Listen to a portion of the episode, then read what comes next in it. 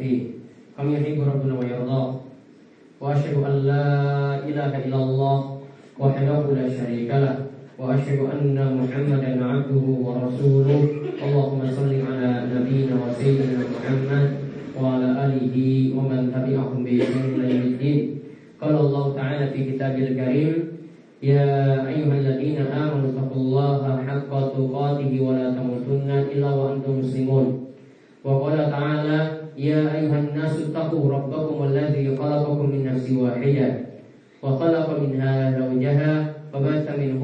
منهما رجالا كثيرا ونساء واتقوا الله الذي تساءلون به والأرحام إن الله كان عليكم رقيبا وقال تعالى يا أيها الذين آمنوا اتقوا الله وقولوا قولا سديدا يصلح لكم أعمالكم ويغفر لكم ذنوبكم ومن يطع الله ورسوله فقد فاز فوزا عظيما فإن أصدق الحديث كتاب الله وخير الهدى هدى محمد صلى الله عليه وسلم وشر الأمور محدثاتها وكل محدثة بدعة وكل بدعة ضلالة وكل ضلالة في النار Masyarakat muslimin Para jamaah sekalian yang mungkin selalu dirahmati Dan diberkahi oleh Allah subhanahu wa ta'ala Alhamdulillah kita memuji dan bersyukur kepada Allah subhanahu wa ta'ala Atas nikmat yang Allah anugerahkan kepada kita sekalian Sehingga pada kesempatan Jumat yang penuh barokah ini kita dapat melangkahkan kaki kita ke masjid yang mulia ini untuk menunaikan salah satu kewajiban yang Allah Subhanahu wa taala tetapkan yaitu untuk mengikuti sholat berjamaah pada hari Jumat ini. Kemudian salawat dan salam mungkin-mungkin tercurahkan kepada junjungan kita dari besar Nabi Muhammad Sallallahu Alaihi Wasallam kepada para istri beliau ummahatul mukminin kepada sahabat-sahabat yang mulia yang lainnya juga kepada para tabi'in dan setiap ulama yang memperjuangkan Islam sehingga kita dapat mengenalnya begitu terang benderang hingga sampai saat ini. Masyaallah muslimin rahimani wa rahimakumullah. Salah satu yang kita diperintahkan yaitu kita diperintahkan untuk menjaga sunnah atau ajaran Nabi Shallallahu Alaihi Wasallam. Yaitu setiap ajaran Islam yang ada, setiap adab-adab yang diajarkan oleh baginda Nabi Shallallahu Alaihi Wasallam, kita diperintahkan untuk menjalankannya. Kita tidaklah bertanya-tanya, ini hikmahnya itu apa? Atau manfaatnya dari ajaran Nabi SAW itu apa? Atau bertanya dalam rangka enggan untuk beramal Setiap muslim yang mendengar salah satu ajaran Nabi Shallallahu Alaihi Wasallam maka hendaklah kalau itu perintah dia menjalankan perintah tersebut. Kalau itu larangan dia benar-benar menjauhinya. Kalau itu perkara yang sunnah maka dia benar-benar menjaganya. Kalau itu perkara yang makruh maka sudah sepantasnya dia tinggalkan. Masyarakat muslimin rahimani wa rahimakumullah. Kita diperintahkan seperti itu karena Rasulullah SAW itu adalah uswah suri tauladan kita yang kita diperintahkan untuk mengikuti petunjuk beliau. Allah Subhanahu wa taala berfirman dalam surat Al-Ahzab ayat ke-21. Laqad kana lakum fi Rasulillahi uswatun hasanatun liman kana yarjullaha wal yawmal akhir. Dan sungguh telah ada bagi kalian pada diri Rasulullah sallallahu alaihi wasallam uswah. Suri toladan hasanah, suri toladan yang baik. Liman kana yardillah bagi yang ingin berjumpa dengan Allah di akhirat kelak dan bagi siapa saja yang beriman kepada hari akhir. Maka Rasulullah SAW setiap ajaran yang beliau sampaikan kepada kita Maka ajaran-ajaran tersebut patut untuk kita jalankan. Baik hal ini berkenaan dengan masalah sholat, baik hal ini berkenaan dalam masalah adab-adab keseharian kita, bagaimana kan Nabi SAW itu mengajarkan kita cara makan yang baik, Begitu juga saat kita tidur ya beliau mengajarkan adab-adab yang mulia pula sampai pun yang lebih daripada itu adab yang berkenaan dengan Allah Subhanahu wa taala maka tentu kita diperintahkan lagi lebih untuk kita jalankan. Ma'asyiral muslimin rahimani wa rahimakumullah. Yang disampaikan oleh Nabi sallallahu alaihi wasallam jika kita menjalankannya setiap ajaran yang disampaikan oleh Nabi sallallahu alaihi wasallam jika kita menjalankannya maka pasti kita akan selamat maka pasti kita akan menuai kebahagiaan. Dalam hadis Jabir radhiyallahu anhu, ia berkata bahwasanya Rasulullah sallallahu alaihi wasallam, baginda Nabi kita Nabi besar Muhammad sallallahu alaihi wasallam niku bersabda, Masali wa masalukum kamasali rajulin awqada nara. Perumpamaan diriku untuk kalian itu seperti perumpamaan seseorang yang membakar atau menyalakan api. Permisalannya adalah seperti seseorang yang menyalakan api atau lampu. Fajal al-janadib wal farash yaqana fiha wa huwa yadhubuhunna anha. Dan nanti ketika lampu itu nyala, api itu nyala, maka seperti kita lihat pada musim penghujan seperti ini, banyak laron yang menghinggapi lampu tadi. Yaitu binatang-binatang itu banyak yang menghinggapi lampu tersebut. Ketika hanya ada satu lampu saja dalam ruangan, maka laron nanti akan menghinggapi lampu tadi, menutupi cahaya lampu tersebut. Kalau ini api, maka binatang-binatang tadi itu akan masuk ke dalam api ingin menjeburkan dirinya, ingin masukkan dirinya dalam api tersebut. Maka orang tadi yang menyalakan api, kata Nabi Wasallam, orang tadi yang menyalakan api itu akhirnya berusaha menghalangi orang-orang supaya tidak terjerumus dalam api. Orang-orang yang berada tadi, orang tadi yang menyalakan api berusaha untuk membuat binatang-binatang tadi supaya tidak terjerumus dalam api. Maka Nabi SAW mengatakan setelah itu wa ana bi hujazikum aninar. Dan aku yaitu Nabi SAW berusaha untuk menyelamatkan kalian dari api semacam itu. Wa antum tafallatuna min yadai. Namun kalian sendiri yang ingin lepas dari tanganku sehingga berusaha masuk dalam api yang nyala seperti tadi. Hadis ini diriwayatkan oleh Imam Muslim. Maka para jamaah sekalian kita perhatikan di sini ibaratnya seperti lampu yang dinyalakan. Namun ini bedanya api yang dinyalakan.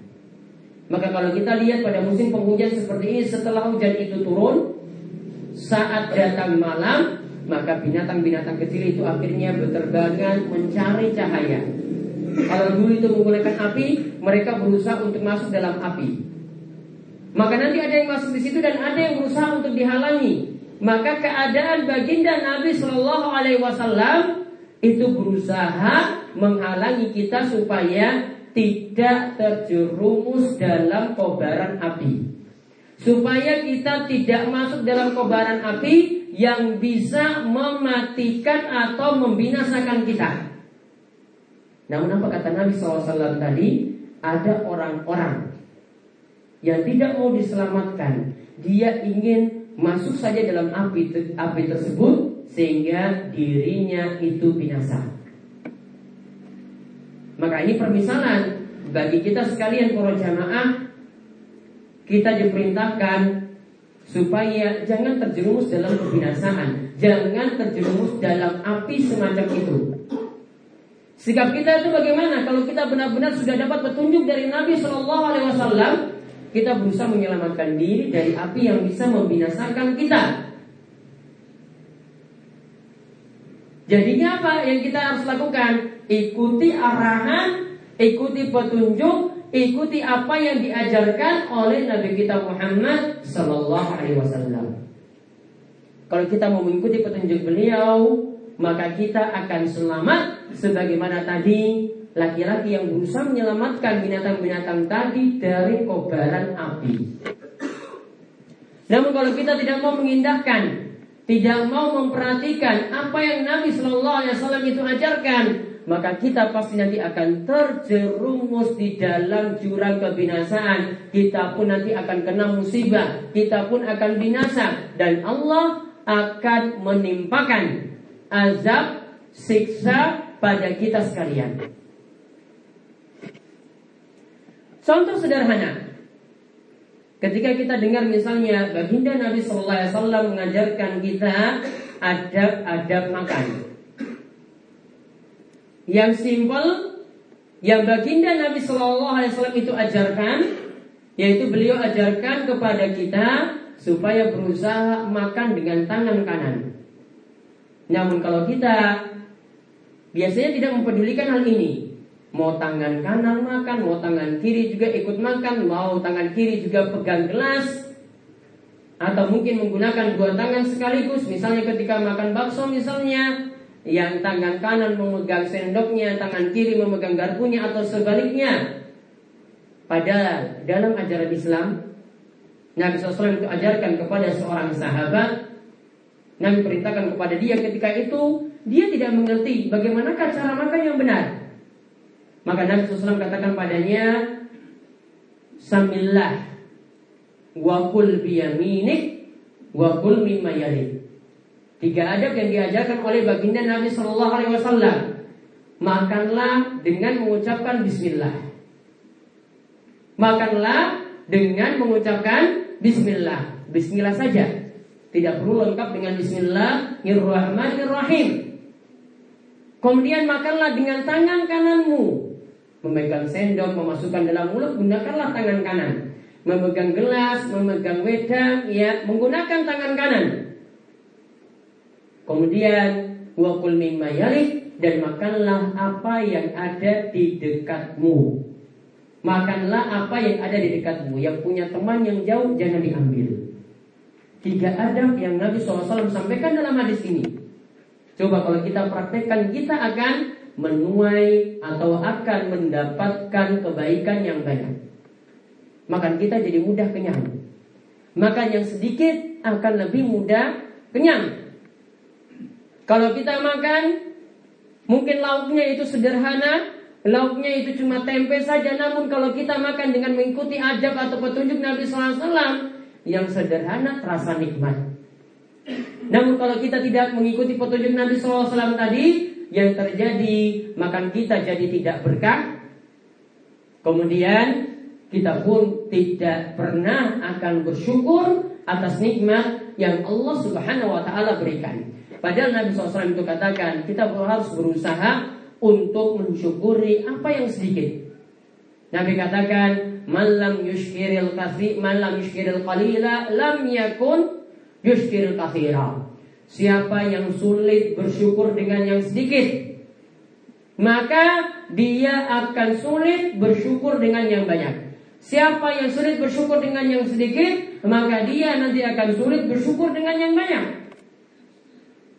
Contoh yang lainnya lagi yang Nabi SAW ini katakan makan cara makan seperti ini akan penuh berkah. Baginda Nabi mengatakan atau dijelaskan oleh seorang sahabat, bahwasanya Rasulullah SAW amara bilakil asabi was-sahfah.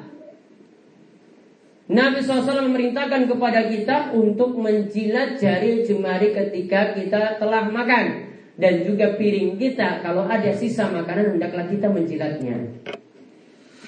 Kemudian Nabi SAW mengatakan innakum latadruna fi ayyihal barakah. Karena ingatlah engkau tidak tahu di manakah dari makanan yang engkau makan tadi yang mana situ ada berkahnya. Makanya tadi Nabi SAW katakan sisa makanan yang ada pada jari kita jilat jari tangan kita. Sisa makanan yang ada pada piring, yang ada pada sendok kita juga menjilatnya. Tujuannya apa? Biar dapat barokah. Mungkin sebagian orang bertanya-tanya, kok seperti itu kelihatan jijik, kelihatan tidak santun. Namun ingatlah, yang diajarkan di sini Nabi SAW itu sampai mengatakan inilah makan yang penuh barokah.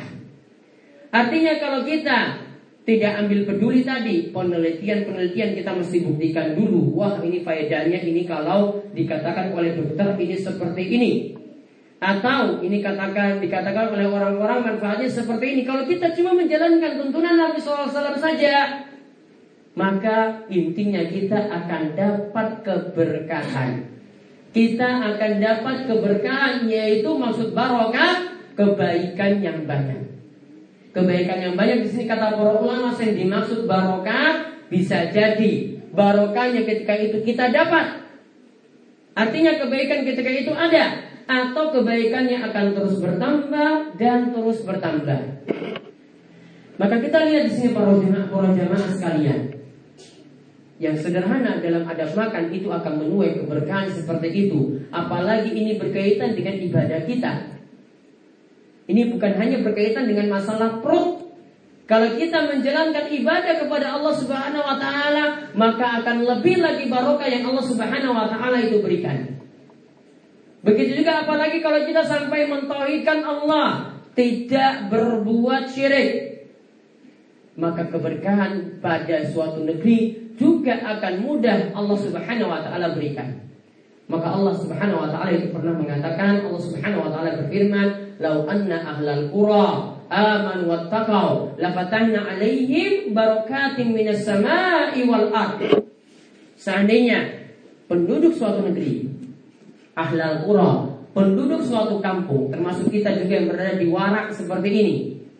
Jika kita mau beriman dan bertakwa, beriman pada Allah dengan benar, beriman kepada hari akhir dengan benar, beriman pada takdir dengan benar, beriman pada nabi dengan benar. Jika kita mau beriman pada Allah dan juga mau bertakwa, menjalankan perintah dan menjauhi larangan Allah Subhanahu wa taala, maka akan Allah buka, bukakan pintu berkah dari langit. Sekali lagi maka Allah itu akan bukakan pintu keberkahan dari langit. Ini adalah karena kita mau beriman dan kita mau bertakwa. Maka coba perhatikan ketika keadaan kita adalah sebaliknya. Di rumah tidak mau menjaga sholat. Ketika dia dalam keadaan mampu untuk pergi ke masjid, dia juga tidak mau menjalankan sholat lima waktu di masjid. Padahal untuk pergi negal, ya, untuk golek pakan, untuk mencari pakan, dia banting tulang setiap harinya. Namun untuk sholat lima waktu yang Allah panggil setiap hari, dia tunda-tunda. Bahkan dengan alasan seribu alasan. Mas, saya nggak mampu pergi ke masjid. Padahal boleh pakan, lewati gunung, bawa motor, Mampu. Namun ketika ke masjid, dia tidak mau mempedulikan panggilan hayya ala sholah, hayya ala falah. Maka coba lihat keadaan yang sebaliknya jika orang tidak mau beriman dan bertakwa. Utangnya Allah tidak mudahkan untuk dilunasi. Keadaan dia akan datang penyakit terus. Keadaan dia akan penuh kesulitan. Merasa hidup itu tidak pernah Allah beri pertolongan karena Allah tidak memberikan keberkahan untuk dirinya Karena Allah tidak memberikan pertolongan untuk dirinya Karena Allah tidak memberikan berbagai macam kemudahan untuk dirinya Maka kalau keadaan suatu kampung itu penuh kesusahan Keadaan suatu rumah itu penuh dengan musibah demi musibah Satu solusi yang bisa jadi jalan keluar Yaitu coba perbaiki imannya. Coba perbaiki ketakwaannya. Coba perbaiki ibadahnya.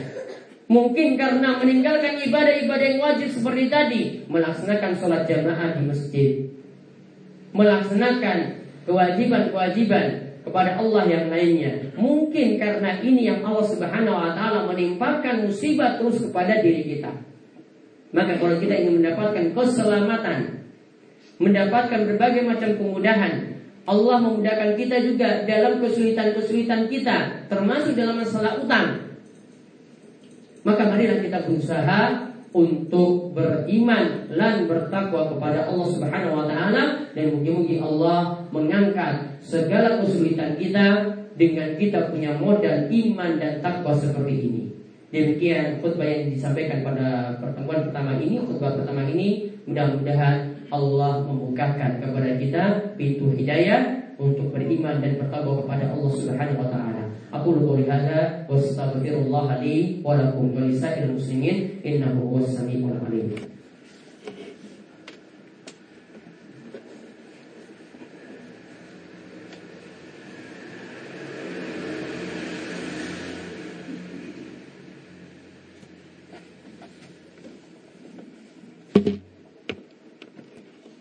الحمد لله رب العالمين حمدا كثيرا طيبا مباركا فيه kami yuhibbu rabbuna wa Allah. Wa asyhadu an la ilaha illallah wahdahu la syarikalah wa asyhadu anna Muhammadan abduhu wa rasuluh. Allahumma shalli ala nabiyyina wa sayyidina Muhammad wa ala alihi wa man tabi'ahum bi ihsan ila. Al Hasan Al Basri itu pernah memberikan nasihat kepada tiga orang yang menghadap beliau ketika itu semuanya penuh susah Orang yang pertama menghadap Hasan Al Basri mengadukan kalau dia mendapatkan musibah paceklik. Orang yang kedua mendatangi Al Hasan Al Basri mengadukan kalau dia itu gagal panen. Orang yang ketiga mengadukan kepada Al Hasan Al Basri kalau dia belum juga punya keturunan. Apa yang dinasihatkan oleh Al Hasan Al Basri kepada tiga orang tadi, semuanya diberi nasihat yang sama. Al Hasan Al Basri ketika itu mengatakan kepada tiga orang ini, orang pertama datang, Al Hasan Al Basri katakan Istighfirullah banyak beristighfarlah kepada Allah. Orang yang kedua datang sama jawabannya istighfirullah. Beristighfarlah kepada Allah. Orang yang ketiga datang belum juga punya keturunan, maka Al Hasan Basri mengatakan yang sama, istighfirullah beristighfarlah kepada Allah. Maka lihat tiga orang ini diberikan wasiat yang sama dan ketika itu ada sahabat yang membacakan firman Allah, "Fakul tustaghfiru rabbakum innahu kana ghafara." Yursilis samaa 'alaikum idrara wa yumditkum bi amwali wa banina wa yaj'alakum jannati wa yaj'alakum anhara. Allah katakan, beristighfarlah kalian kepada Allah Innahu kana sesungguhnya Allah senantiasa memiliki sifat Maha Pengampun. Maka ketika kalian itu beristighfar, yursil sama alaikum idrara, maka Allah akan turunkan hujan dengan lebat. Kemudian Allah akan memberikan perbendaharaan harta kepada kalian. Kemudian Allah akan memberikan kalian harta dan juga memberikan kepada kalian keturunan. Maka tiga orang tadi didalilkan, diberikan dalil oleh Allah Al Basri, kamu biar selamat perbanyaklah istighfar. Maka istighfar punya tiga faedah. Bisa mudah Allah itu menurunkan hujan. Dari istighfar Allah juga akan memberikan keberkahan dalam harta dengan istighfar Allah juga akan mudah mendatangkan keturunan kepada kita. Maka ini menunjukkan faedah yang besar orang beriman bertakwa dan rajin beristighfar. Orang beriman bertakwa dan rajin beristighfar. Beriman dengan dia penuhi keimanannya kepada Allah Subhanahu wa taala dengan iman yang benar, bertakwa dengan dia menjalankan perintah dan menjauhi setiap larangan. Kemudian dengan dia beristighfar, menyesali dosa-dosa yang pernah dia lakukan, maka itu semuanya akan memudahkan terbukanya pintu rizki, terbukanya pintu keberkahan dari langit, dan juga Allah akan mudah mendatangkan keturunan. Maka para jamaah sekalian, inti dari khutbah ini kita diperintahkan untuk melakukan tiga hal. Yang pertama, menjalankan perintah Rasul Shallallahu Alaihi Wasallam. Mari setiap apa yang Rasul SAW itu perintahkan kepada kita, kita jalankan. Kemudian yang kedua, marilah kita bertakwa kepada Allah Subhanahu wa taala dengan menjalankan perintah dan menjauhi larangan. Kemudian yang ketiga, kita berbanyak istighfar, memohon ampun, bertobat kepada Allah Subhanahu wa taala biar kita juga mudah mendatang mendapatkan berbagai macam kemudahan dalam setiap urusan-urusan kita. Masyarakat muslimin para jamaah sekalian yang dimuji selalu dirahmati oleh Allah Subhanahu wa taala di akhir khutbah ini kami ingatkan bahwasanya baginda Nabi SAW memperingatkan kepada kita untuk banyak bersalawat kepada beliau di hari Jumat. Dan barang siapa yang bersalawat kepada Nabi SAW sekali, maka Allah akan bersalawat kepadanya sepuluh kali. Inna Allah wa malaikatahu yusalluna 'alan nabi Ya ayyuhalladzina amanu sallu alaihi wa sallimu taslima. Allahumma shalli ala Muhammad wa ala ali Muhammad kama shallaita ala Ibrahim wa ala ali Ibrahim innaka Hamidum Majid. Allahumma barik ala Muhammad wa ala ali Muhammad kama barakta ala Ibrahim wa ala ali Ibrahim innaka Hamidum Majid. Marilah kita berdoa pada Allah, mudah-mudahan Allah memperkenankan setiap doa-doa kita di hari Jumat yang mudah dikabulkan doa dan di hari Jumat yang penuh barokah ini. Allahumma fir lil muslimina wal muslimat wal mu'minina wal mu'minat al ahya'i minhum wal amwat innaka sami'un qaribun mujibud da'wat.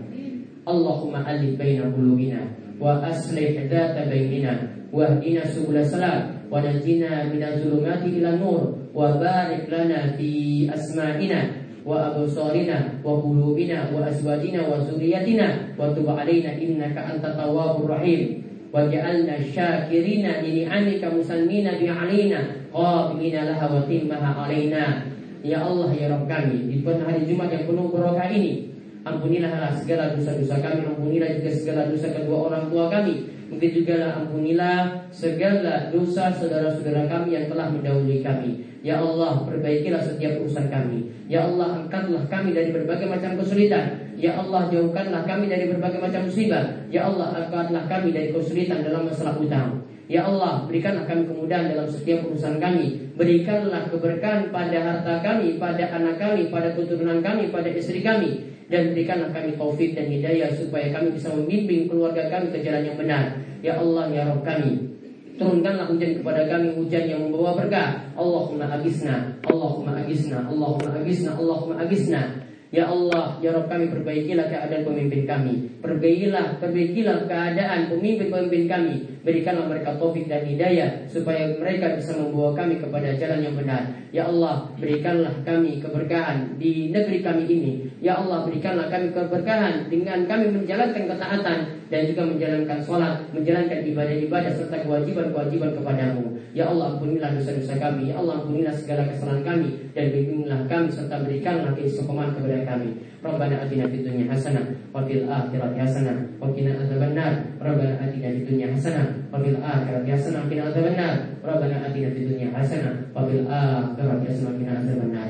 Inna Allah ya'muru bil adli wal ihsan wa ita'i dzil qurba wa yanha 'anil fahsya'i wal munkar wal baghi ya'idukum la'allakum tadhakkarun wa la dzikrullahi akbar aqimus salat